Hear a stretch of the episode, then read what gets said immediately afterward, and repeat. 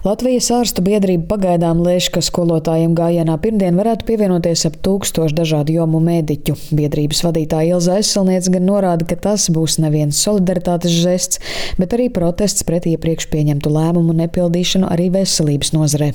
2022. gadā tika apstiprinātas un ilgstoši izstrādātas pamatnostādnes veselības aprūpei 22. un 27. gadam.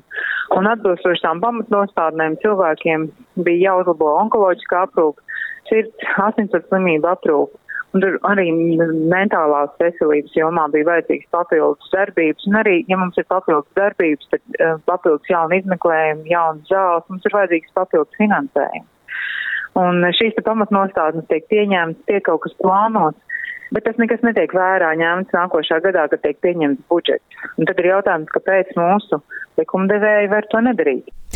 Savu dalību gājienā apstiprina arī Lauku ģimenes ārstu asociācijas viceprezidents Ainis Dzalps. Viņš norāda, ka gājienā pirmdien piedalīsies arī ģimenes ārsti no dažādiem reģioniem, bet darbu praksēs tas ietekmēšot minimāli. Dzalps skaidro, ka ar protestu vēlas vērst uzmanību uz politikas veidotāju komunikācijas atbildības un izpratnes trūkumu. Gan pedagogi, gan mediķi ir ļoti daudz ieguldījuši laika sarunās par attīstības jautājumiem, par finansējuma jautājumiem, par algu paredzamību, un tas netiek pildīts nevienā, nedz otrā jomā. Problēma, kas šobrīd, ar ko mēs saskaramies, ir kritiska, un nedz mēs, nedz mūsu pacienti nav gatavi šādai finansējuma koncepcijai, ka veselības aprūpe tiek finansēta no citu ministriju pārpalikumiem un atlikumiem. Es domāju, ka šādā veidā mēs varētu varbūt runāt par kādu debesskrāpju celtniecību, bet ne par tik prioritārām jomām kā veselības aprūpe un izglītības joma.